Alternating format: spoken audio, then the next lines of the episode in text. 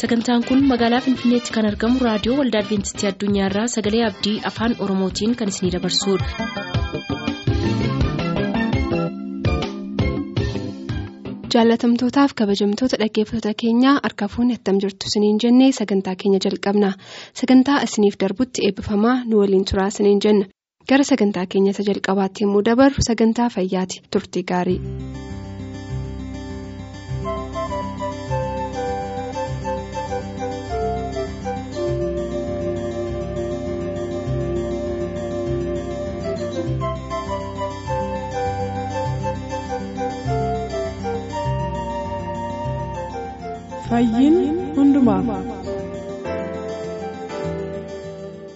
Kabajamoota dhaggeeffattoota keenyaa harka fuuni akkam jirtu isiniin jechaa gara sagantaa fayyaa har'aaf jennee qopheeffanneetti isin dabarsina.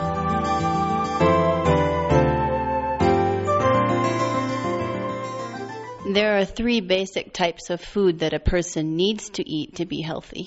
Namni tokko nyaatee akka inni fayyaa ta'uuf nagaas ta'e akka inni jiraatuuf isaaf kan barbaachisan gosoota nyaataa sadiitu jira. There are foods that give you energy. Nyaatota qaama keenyaaf humna yookiis jabina kennan. Examples of energy foods are injera, garbuu, qamadii, boqqolloo and potatoes. Fakkeenyonni qaamota keenyaaf nyaatota annisaa kennanii kunis inni jalqabaa qamadii, garbuu, biddeen, boqqolloo. Akkuma kanas dinnicharraatii in arganna. There is another kind. Ethiopians eat quite a bit of this kind of food. Namoonni Itoophiyaa egaati nyaatota kana hundumaa qabus nyaachuus hin danda'u. Or at least my friends do. Akkuma kana michuun kollee waan akkasii hin godha. Another kind of food that you need to eat to be healthy is growing foods to grow muscles. Akkuma kana inni kan biraan immoo qaama keenya kan ijaaru nyaata yookiis qaamni keenya akka inni ijaaramee guddatuuf maashaaleen keenyas akka isaan guddataniif kan nu gargaarudha. Examples of growing foods are shiro, lentils, eggs, beans. Fakkeenyonni nyaatota qaama guddinaatiif gargaaranii kuni shiroo. Hanqaaquu misira akkuma kanas nyaatoti biroonis jiru. And the last kind of foods that people need to eat to be healthy are protection foods. Inni xumuraaf inni sadaffaanii namoonni akka isaan nyaataniif kan barbaachisu keessaa tokko kan ta'e nyaata ittisaati. And these kinds of foods help our body to fight sickness and to help to keep us from getting sick.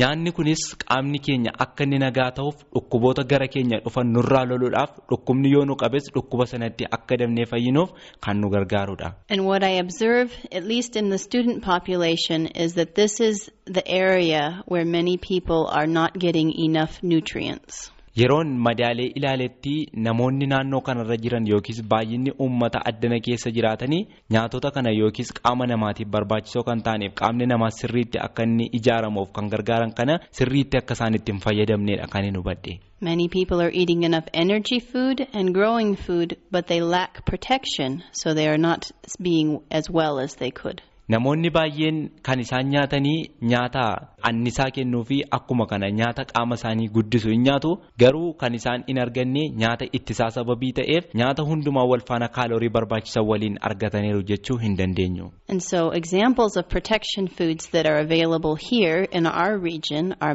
mangoes, muuzii, goova, things like this. Akkuma naannoon jiraadhu naannoo kana keessattis nyaatonni fakkeenya kan ta'anii nyaata ittisaatiif kanneen akka mangoo kanneen akka goofaa akkuma kanas nyaata akka burtukaanii faa yoo nyaanne fakkeenya nuu ta'uu danda'u wantoota sanaafis bakka bu'anii sirriitti nu gargaaruu danda'u. One way that you can tell if a food is a protection food, most protection foods have lots of color. For example, tomatoes, they are red, and beets, they are purple. Nyaatonni warri kun egaati bifa adda addaa sababii qabaniif akkuma kana fakkeenyaaf yoo timaatimii fudhanne bifisaas diimataadha qaama keenyaaf kan barbaachisanis baay'inaan akkuma kana of keessaa qaba baaqelaa yoo fudhanne bifisaa adiidha qaama keenyaaf kan barbaachisaa ta'e of keessaa akkuma kana qaba. Guavas are pink and green. Goofaan immoo bifisaa magariisa. Romani is red. Roomaaniin immoo biftisaa diimataadha. Carrots are orange. Kaarotiin immoo biftisaa gara diimachuutti kan dhaquudha. Papaya is yellow. Paappayyaan immoo biftisaa bifa keellooti. What you see is the protection foods have lots of color. So what you can think about is every day you should eat rainbows. Egaati nyaatonni qaama keenyaaf qaama nyaata ittisaa ta'an kun bifa bifa isaaniitiin akka kanatti wal bira qabne yoo ilaallee jenne qaama keenya keessatti kan isaan ka'anii sanyii bifa sabbata waaqayyooti. Shiro is brown. Shiroon immoo bifti isaa bifa bunaa kan fakkaatudha. And injera is also brown. Akkuma kana biddeen illee bifti isaa bifuma kana kan qabudha. Not enough color. Warri kun egaati bifti isaanii bifa ga'aa miti yookiis bifa qabatamaadhaan kana jechuu hin dandeenyedha nuyi. Every day you should try to eat at least five different colors. Salphaadhumatti yoo ilaallee jenne giddugaleessaan namni tokko yeroo hundumaa guyyaa guyyaatti nyaatota bifti isaanii bifa adda addaa gosa shan ta'anidha kan inni nyaatu. In this way, you can help to remind yourself how to get a more balanced diet, how to get more protection foods. Kanaaf egaati ofii keenya madaaluus dandeenya hubachuu dandeenya attamittiin yookiis hammam akka argachuu dandeenyu nyaatota qaama keenyaaf ittisa ta'an yookiis nyaatota qaama keenyarraa wantoota adda addaa ittisuu danda'anii. Every day in my house, I try to eat at least five colors of foods. Yeroo hundumaa ani mana koo keessatti nyaata gosa yookiis bifa adda addaa kan ta'an shanidha kan hin nyaadhu. For breakfast, I had pomegranate or romani and muzi. Fakkeenyaaf ganama kan hin nyaadhu nyaata ganamaa irratti yookiis ciree irratti roomaaniidhaa fi muuziidha kan hin nyaadhu. And at lunchtime, I ate tomatoes and I also ate mango. Darbee nyaata laaqanaa irratti immoo kan hin nyaadhu timaatimiidhaa fi maangoodha. And then I ate rafu also, which was green, so now I have five. Akkuma kana itti dabalee kan hin nyaadhu raafuudha. Raafuun immoo bifti isaa magariisa sababii ta'eef shan nyaadheera jechuudha. So if you have trouble to remember, it's okay. You don't need to know the vitamins, these things. Egaati nyaatonni nuyi nyaannu kun akka kanatti nu jeequu hin danda'anii wantoota adda addaa yeroo nyaannee jennu bifuma isaanii waliin qaama keenyaaf kan barbaachisan kaalorii garaa garaadha kan nuyi argannu sababii ta'eefi. What is important is to remember to eat many, many colors every day. Qaama keenyaaf kan barbaachisan egaa guyyaa guyyaatti yeroo hundumaa kan nuyi nyaannu nyaatota garaa garaaf bifoota garaa garaa nyaata bifa garaa garaati. And also, when you are thinking about protection foods, it's important to use natural foods, foods that are naturally this color. You pick them from the plant. It's not because somebody put coloring in it. Kanaaf egaa nyaatonni nuyi nyaannu kun uumamaan wantoota jiranidha sababii ta'anii fi uumamaan wantoota argannudha akkuma kanas qaama keenyaaf nyaatota akka kanatti barbaachisanidha. For example, when you eat candy, candy has many colors, but that is because people put colors in it. Fakkeenyaaf yoo fudhannee jennee namoonni kan isaan jaallatan nyaachuudhaaf namoonni irra caalaanii karameellaadha. Karameellaan kan inni qabu halluu baay'eedha. Garuu halluu baay'ee sana kan itti godhe akkasuma uumama amma uumamaan kan badhaafame utuu hin taane halluu sana kan akka inni argatu halluu adda addaa akka inni qabaatu godhe namadha. Namoonnis nyaatota kana akka kanatti filataniiti baay'ee kan isaan jaallatanidha itti fayyadamuudhaafis. You want to eat foods that have color in them that God put in there. Warra amma jenne yookiis warra uumamaa kana garuu waaqayyoodha kan bifa kana itti godhe bifa kanaanis akka isaan jiraatan kan godhe waaqayyoodha. I think God usually makes better food than we do.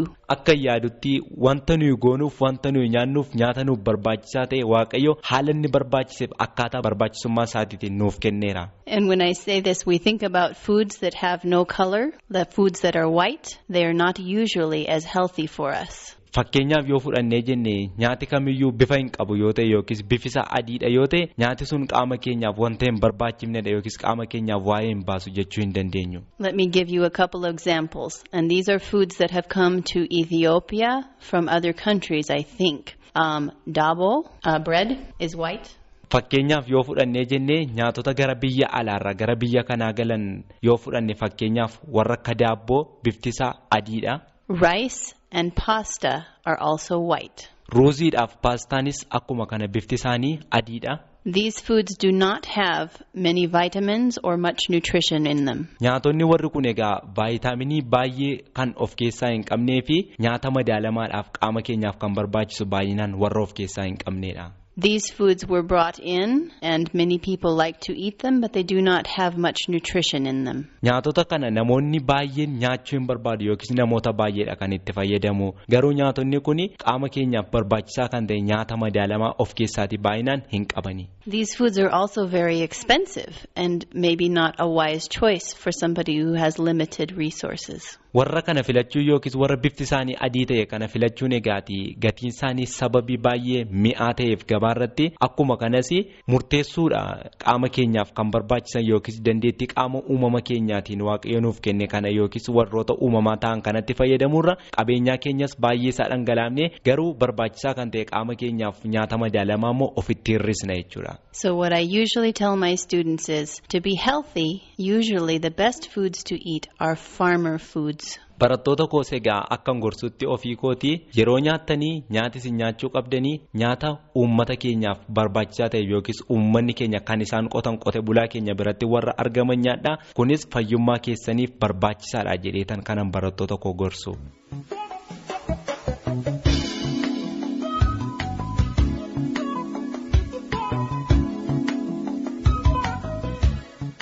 kabajamoota hordoftoota keenyaa qabaasaa fi itti fayyadama isaa wallaaluutu nu miidha malee nyaanni harka keenya jiruu fi kan qotee bulaan keenya oomishu fayyaa keenyaaf baay'ee gahaa ta'uu isaati kan obboleettiin biyya alaatii dhufte kun illee nutti himtu kanaaf kana harkaa qabnu utuu hin tuffatin akka walitti dhageenyetti itti haa fayyadamnuun dhaamsa keenyadhaa sagantaa keenya fayyaa har'aas kanumaan xumurraa nagaatti.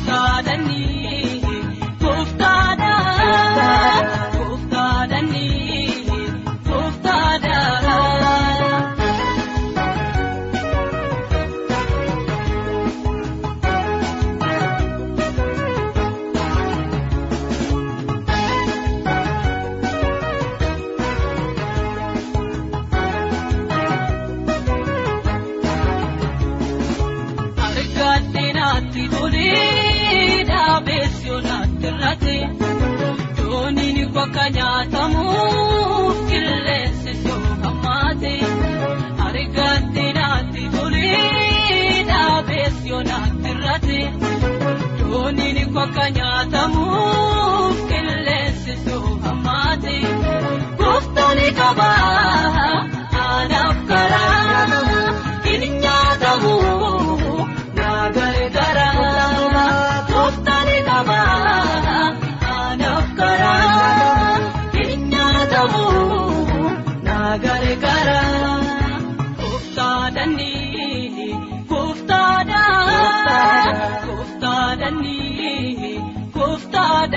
Kooftaadha.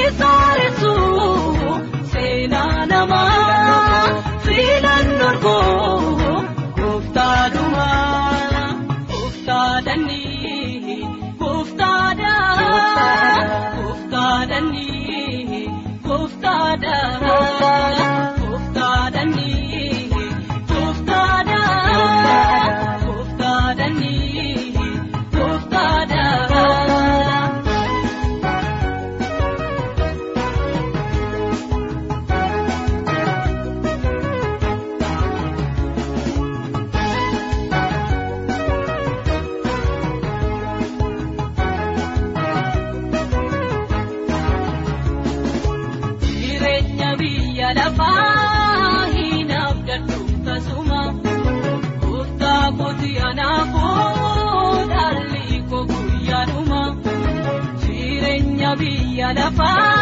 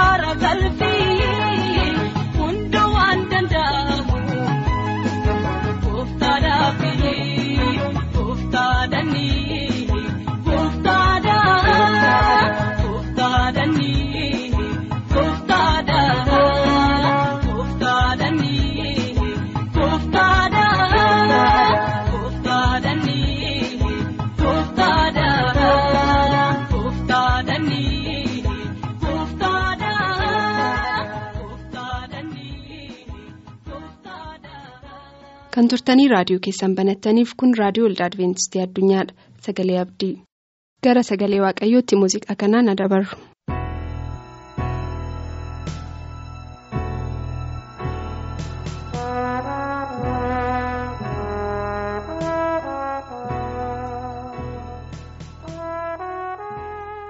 Waaqayyoon waaqa keenya guddifneen galateeffannaa yeroo inni nu kennu hundumaattis baay'ifnee isa meeroo kana waan hundumaa dursa mataa keenya qabannee waaqayyoon galateeffanna. Jaalala bara baraatiin kan nu jaallatte waaqa keenyaa ati biyya lafaarra amma jiraannutti dubbii kee abdannee akkaataa dubbiin kee keessa jireenya keenyaatti abdii kenneettis akka jiraannuuf waan nu gargaarteef si galateeffachaa keessumaa yeroo kana dubbiin nuyi dhageenyu keessa garaa keenya akka geddaru hafuura kee qulqulluudhaan akkaataa nu galuun akka nutti dubbattu. Hojjetoota keenyas dubbii kee kanaan bakka isaan jiraatan hundumaatti akka isaan eebbiftuuf jaalala kee ta'u innis kadhanna maqaa keetii hojjettee fadaraa ameen. mata dureen yeroo kana walii wajjin ilaalluu uffata cidhaa qopheeffachuu isa jedhu irratti gabaabsinee walii wajjin ilaalla uffannaan biyyuma lafaarra jiraannu kanatti illee baay'ee murteessaadha yeroo mana keessa oollu uffata mana keessa hojii hojjechaa oolleen uffannee gara waldaatti. Yoo dooga'een jiraate lafa dooga'itti yoo waamichi jiraate gara waamichaa hin nannu. Kan qabnu uffata keenya hamma danda'ametti qulqullina ishee eeggannee qabannee yeroo nama duratti baannus uffannee baana. Uffati baay'ee murteessaadha. Namoonni hundinuu biyya lafaarra namoonni jiraannu jechuudha. Xinnaattu guddattu wayyaa uffannee fuula namaa dura baanu yoo xinnaate tokko yoo kana achiisaa ol qabaanna. Inni guddaan wayyaa qabnu sana qulqullinaan qabannee uffannee fuula namootaa duratti baana. Wangeelli Maatiyus boqonnaan 22 waa'ee uffata cidhaa nama uffatiin tokko nutti dubbata. Tokko kaafnee yoo dubbifanne anulaa kanattis guutummaa isaa dubbisuu hin danda'u. Yesuustu fakkeenyaan namootatti dubbate dubbii kanaa akkana jedhee lakkoofsa lamarraa mootummaa waaqaa mootii ilma isaatiif cidha godhatetti fakkeeffamaa jedhe. Mootii tokkotti ture mootiin kun immoo ilma isaatiif cidha qopheessee jedha ilma qaba. Cidha qopheessuudhaaf waan barbaachisaa ta'e hundumaa mijeesse. Utuu nama waamin fuuldura waan namoonni nyaatan dhufanii waan namoonni dhugan dhufanii erga dhufanii immoo waan namoonni keessa ta'an iddoo waan barbaachisaa ta'e hundumaa qopheessan. Kana booddee namoonni immoo cidha kana irratti hirmaatanii akka isaan nyaata qophaa'e kana nyaataniif namootaaf waamicha godhe. Namootaaf waamicha yommuu inni godhee jedhu cidhi sun geenyaan warri inni kanaan dura waame akka hin irraanfanne akka yaadataniif hojjetoota isaa ergee yaadachiise. Yeroo inni hojjetoota isaa ergee yaadachiisu warri waamaman kun sababa adda addaa dhiyeessan. Isaan kaan hojii adda addaa kan mataa isaanii akka qaban karoora mataa isaanii akka qaban sagantaa mataa isaanii akka qaban walumaa galatti gara cidha kanaa dhufuudhaaf fedha akka hin qabne dubbatan. Isaan kaan immoo warra waamuudhaaf yaadachiisuudha kan kana qabanii reebanii isaan kaaniin immoo hin ajjeesan. Walumaa galatti namoonni yeroo kana waamaman cidha kanatti hirmaatanii waan cidha kanarraa qophaa'e nyaachuudhaaf kan hin malle ta'uu isaanii mootiin kun yommuu bare keessumaa warra hojjetoota isaa warra itti erge isaan kaan reebanii isaan kaan ajjeetan sana hojjetoota isaa warra kan biraatti argee isaanii yeroo inni balleessutti argina. Erga kun ta'e booddee waamichi kun gara saba biraatti akka inni darbutti gara iddoo biraa akka inni dhaqutti saba warra hafan akka inni qaqqabutti gara karaa qaxxaamuraatti ba'aatii kan argitan hundumaa waamaa isaaniin jedhe. Yeroo kan hojjetoonni isaa gara karaa qaxxaamuraatti ba'anii kan argan namoota hundumaa hin waaman. Amma immoo manni qophaa'e sun hundinuu namoota waamaman kanaan cidhaan guute. Sagalee kanarraa gabaabaatti waan nuyi arginu. Har'a ergaa waaqaa nu qaqqabee dhageenyee nu galeerra kan jennu. Yesuusiinis akka fayyisaa lubbuu keenyaatti fudhanneerra kan jennu. Akkaataa jireenya nuyi itti waaqayyo wajjin jiraannu. Akka waaqayyo jaallatutti yoo ta'uudhaa baate. Cidha Kiristoos Yesuus. Samaayitti qopheessee jirutti hirmaattuu akka nu hin taane beekuun nurra jiraata. Warra waamichi duraan dursee isaaniif ta'eef isaan qaqqabe sun cidha mootichi ilma isaatiif qopheesse irratti hirmaattuu ta'uu hin dandeenye. Warri kan biraan immoo yeroo sana ala dhaabatanii maal ta'a waamichi kun yoo nu qaqqabe laata jedhanii yaada isaanii keessatti kajeelu turan. Har'a ergaa waaqaa dhageenyetti yommuu nuyi qoosnu yommuu nuyi keessa keenyatti shaakaluu dadhabuudhaan ulfina dhoowwannu baay'een tarii ala kan jiraatan ergaa kana yookaan sagalee kana. namummaa isaanii keessatti kan hawwan yookaan kan kajeelan kan ala dhaabatanii ergaa kana fudhachuudhaaf fedha qabaatan jiraachuu hin danda'u. Kanaaf aniifis jireenya koof jireenya keessan keessatti ergaa waaqaa kana iddoo guddaa itti kennuun nurra jiraata. Sagalee waaqaa kana iddoo olaanaa itti kennuun nurra jiraata. Waamicha waaqaa nu qaqqabe kana iddoo guddaa itti kennuun nurra jiraata. Kanaan alaa iddoon keenya naa qabama akkasumatti taane nan fayya jechuun nurra hin jiraatu. Kana booddee warri waamaman hundinuu dhufan immoo cidicha guutanii mana cidaaf qophaa'e kana guutanii jedha. Ergasii booddee keessummaan tokko fakkeenyaaf mana keenya yoo dhufe utuu iddoo isaaf hin kennin utuu haasa hin jedhin utuu bishaan isaan laatiin utuu haalli teessumaa mijateeraa hin jedhin yoomiyyuu taanaan nyaata isaaf hin dhiyeessinu. Kanaaf namoonni hundinuu dhufanii erga isaan iddoo qabatanii namichi ilma isaatiif cidha qopheesse kun keessummoota dhufan kana ilaaluudhaaf. Utuun ol galu argina mina dubbisa lakkoofsa tokkorraa kana booddee mootichi keessummoota isaa ilaaluudhaaf ol galee namoota uffata cidhaa hin uffatin tokko argee irraan deebi'a. Kana booddee mootichi keessummoota isaa ilaaluudhaaf ol galee nama uffata cidhaa hin uffatin tokko argee namichaan immoo namichoo uffata cidhaa malee attamitti asitti ol lixxee jedhee namichis waan dubbatu dhabeedha lakkoofsa kudha tokkoof kolamarraan dubbise. Warra waamaman kun namoota attamiiti jedhee.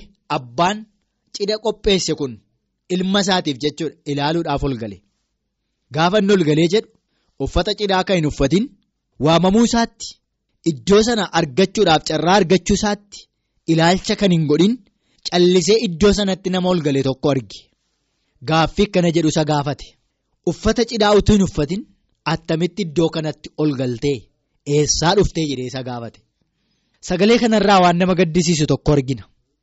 Namichi kun waan deebisuuf dhabe calluma jedhee jedha.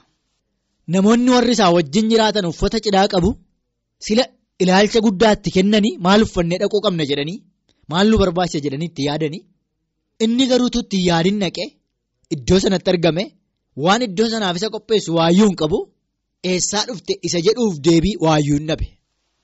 Sagaleen kun fuula keenya duratti taatee ta'uudhaaf jedhu tokko nu argisiisa. Waan dagachuun nurra hin jiraanne. Abbaan cidhaa kun utuu nyaata hin dhiyeessin utuu namoota nyaataan hin gammachiisin nyaata qophaa'in utuu namoota hin bashannansiisin ol lixee ofii isaatii ilaale. Guyyaa xumuraatti utuu firdiin hin kennamin galmeen akka inni ilaalamu beekamuun keessa keenya keessatti irra jiraata. Galmeetu ilaalama. Galmeen yommuu ilaalamu murtoodhaaf nu qopheessa. Galmeerraa immoo maaltu ilaalama? Ija hojii keenya isa nuyi yeroo qophee keessa gochaa turreetu ilaalama. Namni waamamee dhaqe sun. utuu akkasumaan fiigee mana cidhaa sanatti ol hin galiin fuuldura maal na barbaachisa iddoo cidhaa sanaaf jedhee yaaduutu irra jiraata wanti iddoo sanaaf barbaachisu yoo jiraate immoo akkaataa ulaagalee maatiiwwan boqonnaa addamii lamarraa dubbifnutti uffata cidhaa uffachuudha. Uffata cidhaa ittiin uffatiin naqachuun immoo ittiin yaadne iddoo sanaan maal barbaachisa jedhee jechuudha. Har'a jireenya biyya lafaarra yommuu jiraannu gaaf tokko firdiin fuula keenya dura akka jiru dagachuun nurra hin jiraatu. Kanaaf guyyaa firdii sanaaf. Galmeen immoo waan ilaalamuuf dursee har'a galmee irratti wanti galmaa'u ija hojii kootii maal laata jennee yaaduun yeroonsaa amma malee guyyaa galmee yookaan guyyaa murtoo sanaa miti. Utuu galmeen hin ilaalamin utuu murtoodhaaf galmeen hin sakattaamin ija hojii keenyaa jireenya koof jireenya keessan keessatti ilaalamuutu irra jiraata.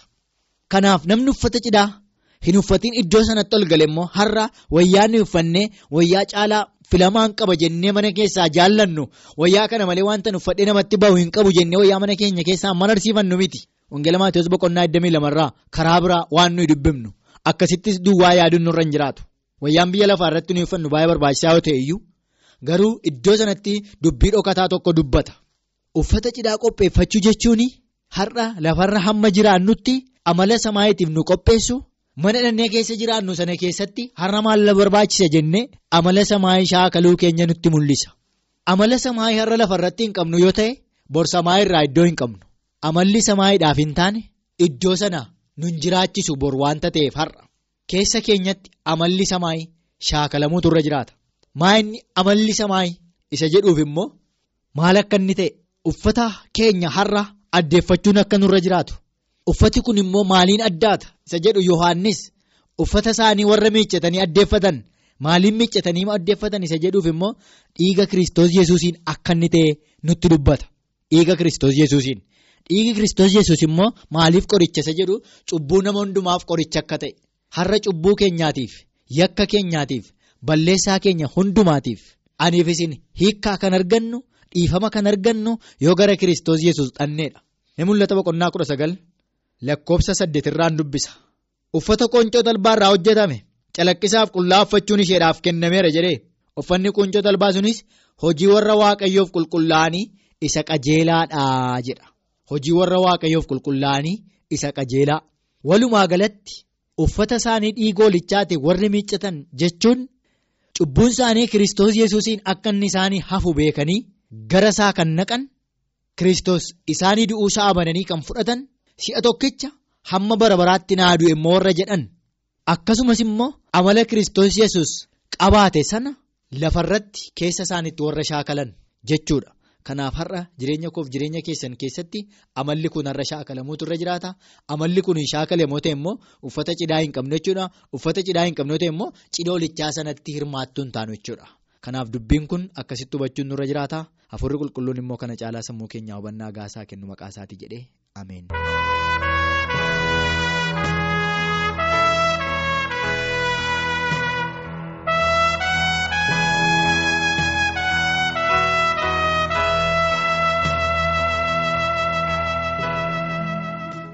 Sagantaa keenyarraa asumaan xumurre sagantaa keenya borii jalatti sagantaa mallattoo barichaa qabannee dhiyaanna yaaduu qabaattan karaa teessoo keenyaa nu barreessaa nu bilbilaa. Teessoon keenya raadiyoo olda adventistii addunyaa lakkoofsa saanduqa poostaa 455 finfinnee.